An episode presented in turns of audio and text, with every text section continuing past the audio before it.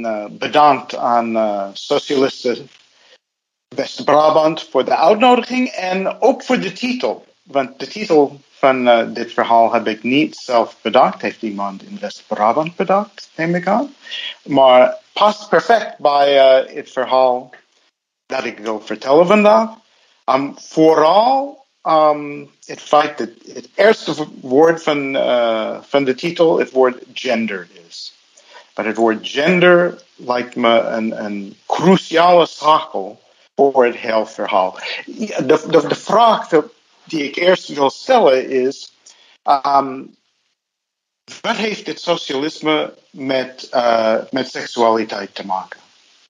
Um, en dat is eigenlijk een lastige vraag, denk ik. Want in Nederland hebben wij een, um, een standaard verhaal, vooral over uh, LHBTIQ-bevrijding. Uh, lesbische, homoseksuele, biseksuele, transgender, intersex, queer bevrijding. En het verhaal gaat ongeveer, ja, LHBTIQ mensen hebben altijd bestaan door de hele menselijke geschiedenis, maar ze zijn vaak uh, vervolgd en gediscrimineerd.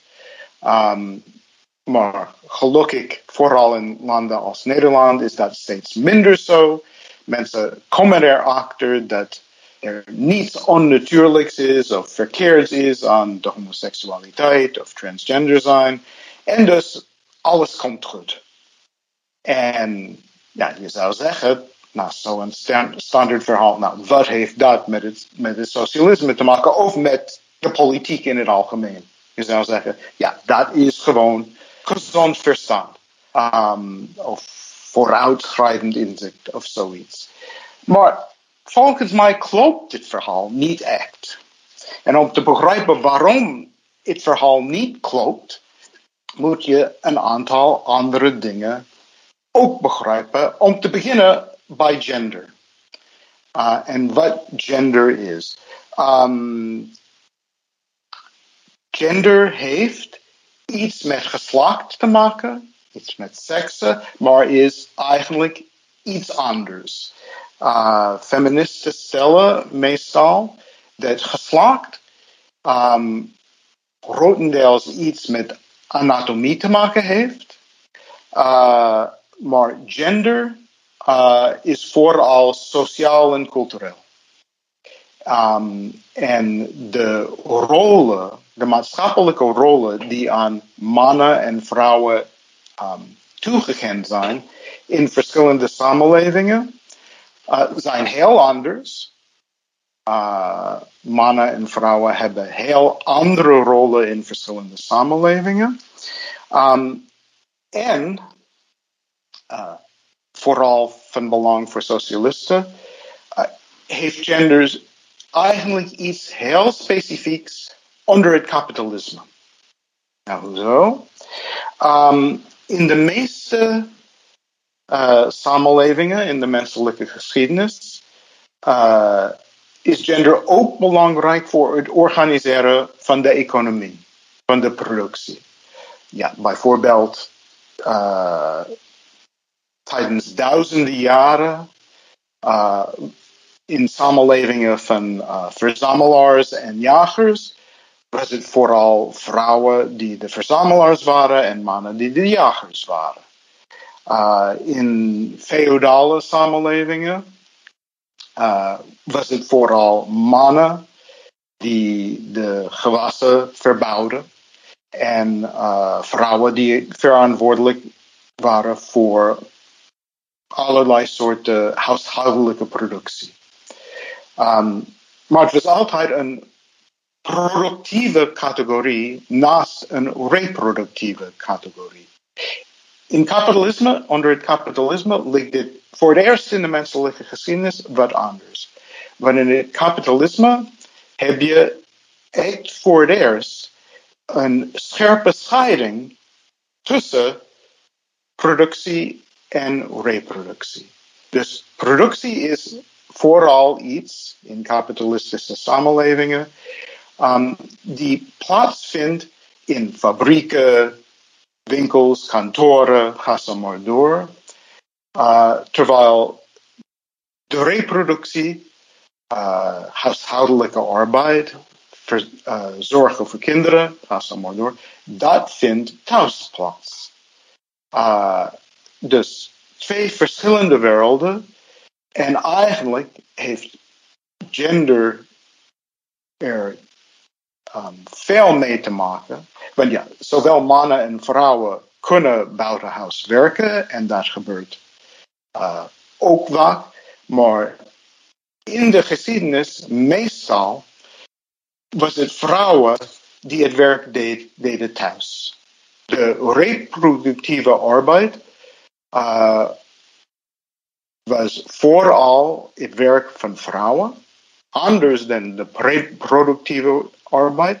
En de reproductieve arbeid is altijd even essentieel geweest voor het functioneren van het kapitalisme, uh, voor het voortbestaan van het kapitalisme. Want ja, mensen kunnen niet naar fabrieken en naar kantoren als zij, uh, ja, als niet het eten voor ze wordt gemaakt, als zij als kinderen opgevoed worden, als zij, als, ja, als zij oud worden of ziek worden, moet er ook voor ze gezorgd worden.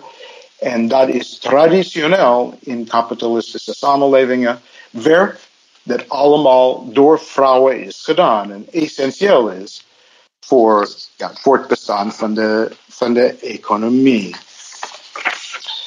Um,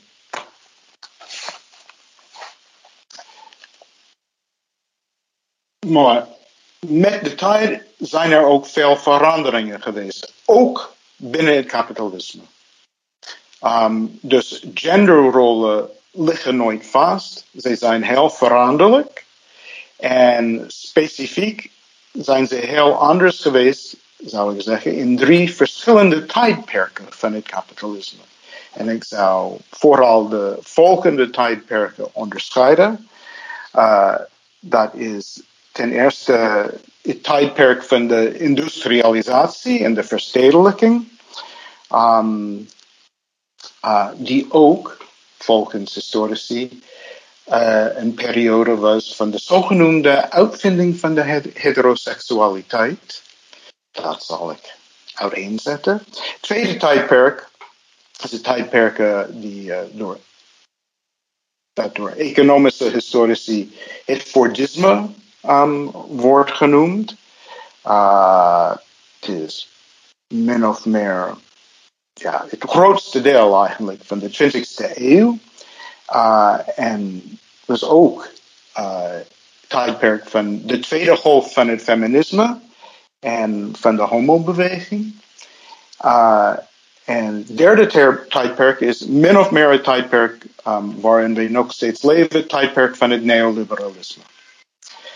Uh, in elke van die drie tijdperken heb je uh, een ander soort organisatie van de gender en als gevolg een ander soort organisatie van de seksualiteit.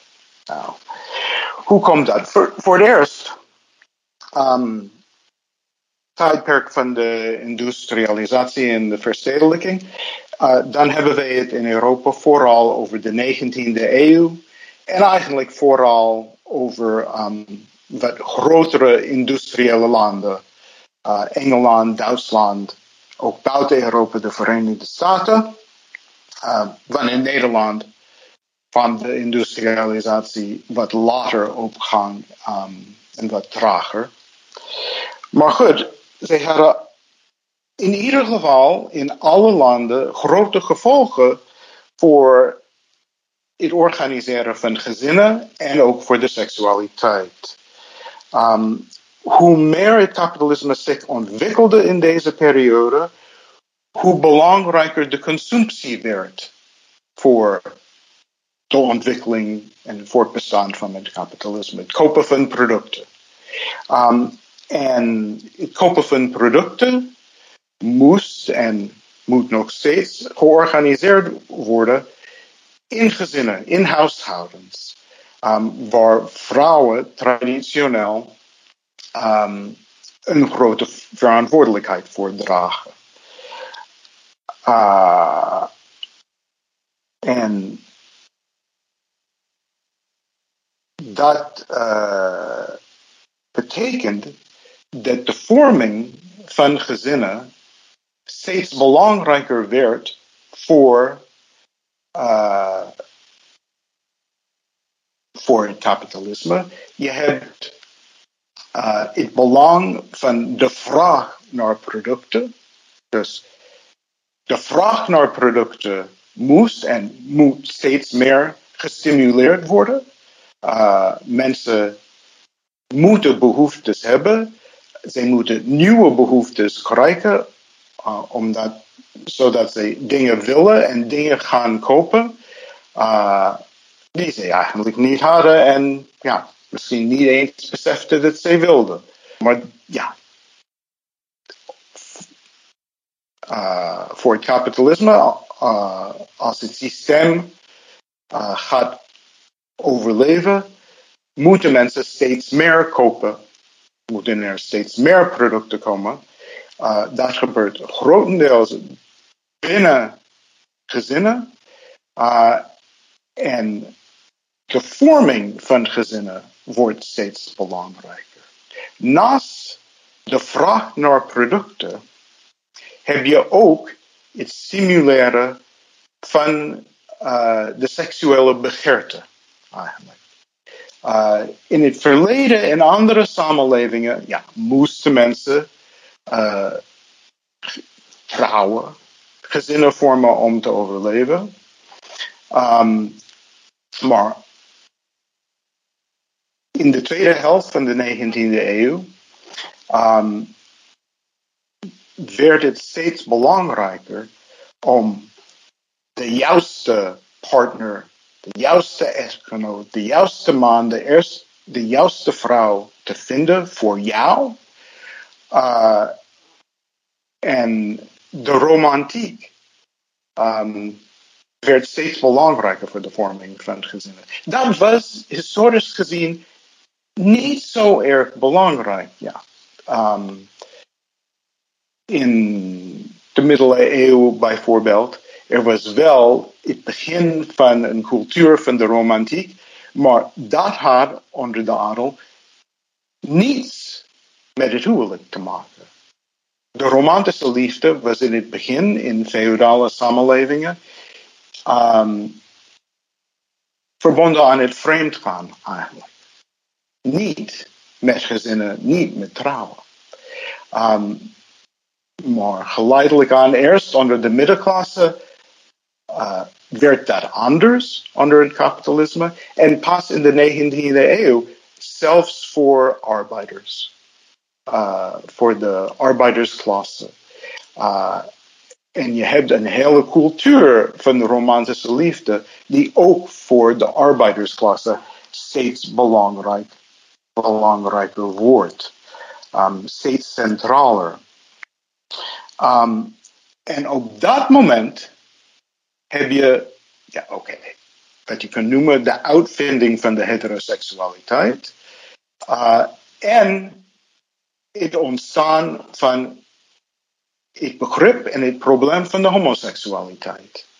Uh, eigenlijk in de 19e eeuw een nieuw begrip. Ja, het feit dat um, mannen uh, begeerte kunnen hebben voor andere mannen of vrouwen voor andere vrouwen, daar is er um, niets nieuws aan. Maar het ontstaan van um, een identiteit ik ben een homoseksueel, ik ben een lesbienne. Dat was iets nieuws eind 19e eeuw. En het ontstaan van gemeenschappen van homoseksuelen en lesbiennes was iets nieuws aan het einde van de, van de 19e eeuw. In de periode van de verstedelijking had je ook opeens veel meer mogelijkheden om ontmoetingsplekken um, te krijgen voor mensen, voor mannen die op zoek gingen naar andere mannen, voor vrouwen die op zoek gingen naar andere vrouwen. Dus het was een heel, ja, en opeens waren er seksuologen uh, die de taak hadden om dit nieuw verschijnsel te bestuderen en uit te leggen. Um, en ook in die periode, en uh, met verbanden ertussen, had je de ontstaan van de eerste bewegingen van homo, voor homo-emancipatie. Uh, feminisme ook. En daarnaast de, de eerste homoseksuele bevrijdingsgroepen. Uh, bijvoorbeeld uh, de zogenoemde uh, wetenschappelijk-humanitaire comité's. Eerst in Duitsland, daarna ook in Nederland. Um, en er was een, een belangrijke band tussen die nog vrij kleine bewegingen en de socialistische beweging, die ook in diezelfde periode is ontstaan. Um, August Bebel, bijvoorbeeld, de grote voorman van de Duitse sociaaldemocratie, heeft uh, uh, een belangrijk boek geschreven over de emancipatie van de vrouw. Uh, de vrouw en het socialisme. Naast het communistisch manifest, een van de uh, meest gelezen boeken onder socialisten in, in dat tijdperken. En August Bebel was ook de grote kampioen in de Duitse Rijksdag uh, van de decriminalisering van de homoseksualiteit. Dus die banden waren belangrijk. En dat had ook gevolgen voor de eerste socialistische revolutie in, in de geschiedenis, de Russische revolutie. Uh, de eerste bolsjewistische commissar voor sociale zaken, Alexander Kollontai, was een uh, felle tegenstander eigenlijk van het soort uh, romantische liefde uh, die onder het kapitalisme was ontstaan, die de basis was voor de vorming van gezinnen. Um, zij zagen de liefde als iets veel collectievers en de basis moest liggen voor een veel collectiever organisatie van de huishoudelijke arbeid, de sociale reproductie. Dus uh, zij had een visie van gemeenschappelijke keukens, gemeenschappelijke uh, crèches, die vrouwen zouden bevrijden van de last van de huishoudelijke arbeid, uh, veel efficiënter zouden zijn uh, en ook seksueel bevrijdend zouden zijn. Ook in ditzelfde tijdperk in uh, Sovjet-Rusland had je de decriminalisering van uh, van de homoseksualiteit. Had je bijvoorbeeld uh, interessante dingen over geschreven. Uh, lesbische officieren in het Rode Leger, die, uh, die een belangrijke rol speelden. Had je sommige van de eerste experimenten over, van, met geslachtsoperaties. Dus veel interessants te zeggen over uh, de seksualiteit en de Russische revolutie in de, in de jaren 1920, waarvan uh, nog steeds heel weinig bekend is eigenlijk.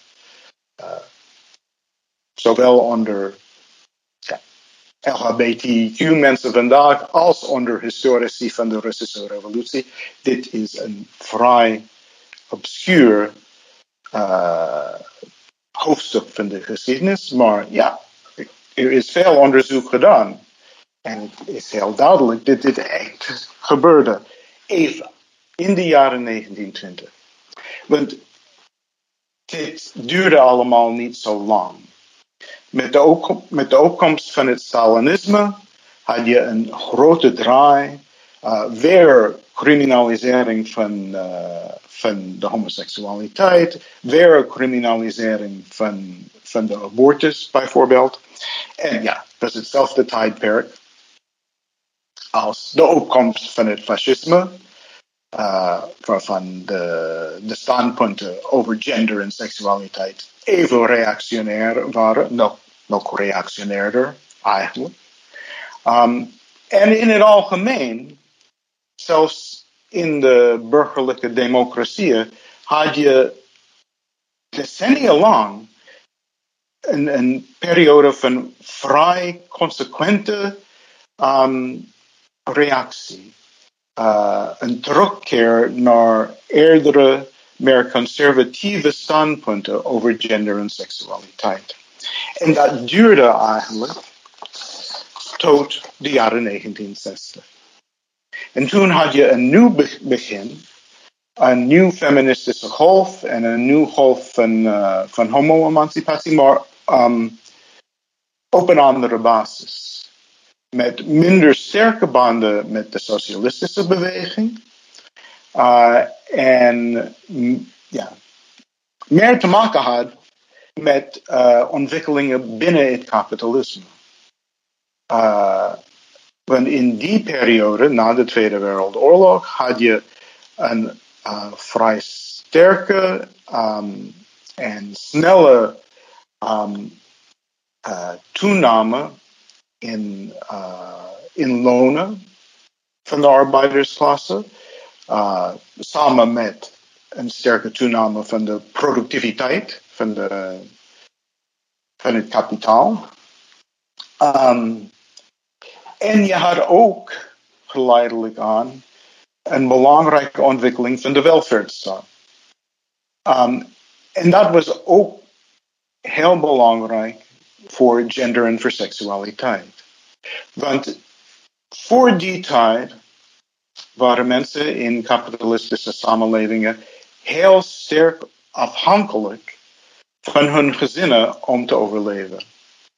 Um, ja, als je ziek werd, als je oud werd, moest je op je gezin terugvallen. Op je ouders, op je broers, je zussen um, je kinderen misschien. Um, maar met hogere lonen en meer sociale voorzieningen werd die afhankelijkheid wat minder. En dat betekende dat er onder andere meer ruimte was voor uh, homoseksuele gemeenschappen, les lesbische gemeenschappen. Um, en dat heeft alles te maken met de oorsprong van die tweede golf van de homo-emancipatie, bijvoorbeeld in Nederland. Um, ja, dus je had ook op uh, politiek terrein ontwikkelingen als het um, van de wettelijke leeftijd voor uh, homoseks met heteroseks. Dat was tot begin jaren zeventig in, uh, in, in Nederland anders. Van, seks tussen mannen, vooral was um, tegen de wet uh, tot mensen 21 werden. En dat werd gebruikt door de politie om homoseksuelen in het algemeen achter te volgen en te vervolgen. Uh, dat werd in de jaren 1970 anders. En je had zelfs uh, in de jaren 1980 uh, de aanname van de wet gelijke behandeling. Die zelfs in de privésfeer, op de werkplek, discriminatie tegen homo's en lesbiennes en biseksuelen illegaal maakte. Maar dan hadden wij weer een andere periode uh, met het ontstaan van het neoliberalisme. En het neoliberalisme uh, gooide op veel manieren roet in het eten, eigenlijk. Um, nou, zo wordt het niet gezien in het algemeen in Nederland en in de samenleving. Want ja, mensen zien bijvoorbeeld een ontwikkeling als uh, het openstellen van het huwelijk voor uh, mensen van hetzelfde geslacht als een logisch gevolg van die eerdere ontwikkelingen. Maar sociaal-economisch gezien ging het wat anders. Kijk, het neoliberalisme is in, in zijn periode geweest van toenemende ongelijkheid in de samenleving. Dat was anders na de Tweede Wereldoorlog. Je had een periode waar de ongelijkheid wat minder werd um, in de wereld en in specifieke kapitalistische landen. Sinds de jaren 1990 zeker is die trend gekeerd, is de ongelijkheid weer toegenomen. En dat heeft veel gevolgen voor, uh, voor uh, de werkelijkheid van ontwikkelingen als het homohuwelijk. Ten eerste heb je een periode van uh, ja, terugkerende golven van bezuinigingen.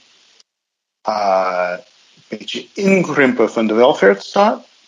Dat betekent dat mensen weer afhankelijker worden van gezinnen om te overleven. En ja, de sociale voorzieningen, als je ziek wordt, als je oud wordt, worden wat minder. Um, en precies op dit moment wordt het makkelijker gemaakt voor uh, homo's en lesbiennes uh, te trouwen, gezinnen te stichten en op die manier voor de behoeftes te zorgen voor, van hun, uh, van, ja, zieke partners of oudere partners. Dus het, is een, het past een beetje bij de privatisering van de zorg, privatisering van de reproductieve arbeid in het algemeen. Um, en heeft ook alles te maken met de toenemende ongelijkheid in de samenleving. Want het vormen van een stel met wettelijke uh, rechten en plichten heeft heel andere gevolgen voor mensen met geld dan voor mensen met veel minder geld. Um, als je veel geld hebt en, uh, en je overlijdt en een partner overblijft, dan is het heel belangrijk hoe hoog de successierechten zijn, bijvoorbeeld. Met het homohuwelijk uh, zijn de successierechten veel minder uh, als je partner overlijdt. Dus dat is belangrijk als je een belangrijke erfenis hebt. Maar ja, als je in de bijstand zit, zijn de gevolgen heel wat anders. Want één aspect van de bezuinigingen op de welvaartsstaat is dat uh, mensen steeds meer het plicht hebben gekregen om te zorgen voor hun partners. Dus uh, de uitkeringen worden minder als je een verdienende, verdienende partner hebt. Uh, dus als je arm bent en uh, sociale zaken weet dat je in een relatie zit, uh, samenwoont met iemand anders van hetzelfde geslacht, uh, die nog steeds een baan heeft en een inkomen, ja, is dat voor jou slecht nieuws eigenlijk, want je uitkering wordt lager. Dus het verhaal over ja, ononderbroken vooruitgang voor de, voor de homo-emancipatie um, is minder simpel dan het lijkt. Uh, je hebt ontwikkelingen die eigenlijk passen bij uh, de negatieve aspecten van, uh, van het neoliberale tijdperk waarin wij zitten. Um, en uh, dit betekent ook dat er steeds grotere tegenstellingen zijn binnen uh, de gemeenschap of de gemeenschappen van LHBTIQ mensen. Want kijk, je hebt de mensen die heel graag willen trouwen, heel graag kinderen willen adopteren, heel graag gezinnen willen stichten zoals andere gezinnen van normaal, ja, de, willen eigenlijk normaal worden. Um, zoals hetero's. En je hebt andere LHBTIQ-mensen die dat eigenlijk niet willen of niet zoveel. Um, ja, ik vind het, moet ik zeggen, ik vind het een goede zaak dat mensen gelijke rechten hebben om te trouwen als ze dat willen. Maar niet iedereen wil dat. Dat past niet bij de behoeftes, de, de begeertes van iedereen. Um, je hebt de mensen, uh, ja, niet-binaire mensen bijvoorbeeld. Dus mensen die zich uh, niet echt thuis voelen um, als mannen of als vrouwen. Dus de hele constructie van oké, een man mag nu met een man trouwen, een vrouw mag nu met een vrouw trouwen. Is niet zo relevant voor mensen die zich niet echt als mannen of vrouwen beschouwen. Um, ja, eh, gender queens, andere trans, transgenders. Ja, ze passen niet allemaal binnen deze nieuwe visie van normale families. Um, mensen in uh, meervoudige relaties. Uh, daar heb je eigenlijk steeds meer van. Uh, mensen die kinderen hebben gehad uit eerdere relaties, mensen die nog steeds mede-ouders zijn met hun exen. De constructie van één uh, van welk slag ook, uh, dat verantwoordelijk is voor hun kinderen, is niet echt gepast voor mensen die een veel ingewikkelder uh, leven, ingewikkelder geschiedenis hebben. Ja, daar worstelt de politiek mee op dit moment. Maar met heel veel moeite. Want wij hebben het over iets dat echt fundamenteel is voor een kapitalistische samenleving. Mensen worden echt bang. En dat is heel begrijpelijk. Uh, voor het schrikbeeld, ja, als je alles opengooit, wie zorgt dan voor de kinderen? Wie zorgt dan voor, uh, voor de ouderen? De samenleving gaat het niet doen, weten de mensen. De staat, de overheid gaat het niet doen. Dus wie niet, als het niet, ja, een normaal gezin is. Als het niet de familie is. Dus, al die vragen uh, worden opgehoord door de werkelijkheid van, van de levens van, uh, van mensen in het algemeen en van uh, LHBTIQ-mensen in het bijzonder. En dit alles maakt het socialisme weer bijzonder relevant voor de seksuele politiek van nu. Want het is socialisten die de essentiële vragen kunnen stellen, moeten stellen over hoe de samenleving doorgaat. Uh, hoe mensen collectief voor elkaar kunnen en moeten zorgen. Zodat ze niet totaal afhankelijk zijn voor hun partners of hun ouders um, om te overleven. Uh, en je ziet ook dat onder uh, de, de meest queers, ook in Nederland, uh, in het algemeen mensen die niet sterk vertegenwoordigd uh, zijn binnen links. Um, maar je ziet dat veel van, van de radicale queers van nu zich aangetrokken voelen tot extreem links eigenlijk. Een partij als Bijeen um, heeft een sterke aanwezigheid van, van radicale queers in hun gelederen. Uh, praten veel meer dan links traditioneel doet over dit soort seksuele politieke vraagstukken. Um, en ik vind dat, uh, dat uh, de socialisten dat ook kunnen en moeten doen. Want ja, zowel bijeen als de socialisten hebben hun sterke en zwakke punten.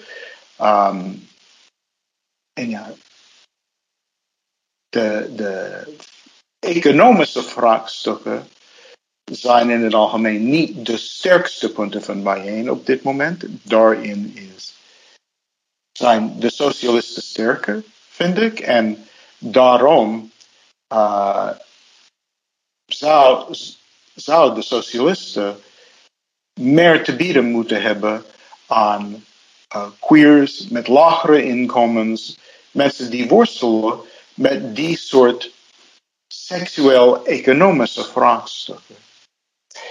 Um, ja, vooral nu, ja, ik spreek als iemand die jarenlang lid was van de SP, vooral nu dat, uh, dat wij um, ons bevrijd hebben van de kurslijf van de SP. Want ja, ik kan zeggen, ik uh, probeerde samen met andere mensen uh, binnen de SP uh, dit soort vragen te stellen. En binnen de SP was dat in het algemeen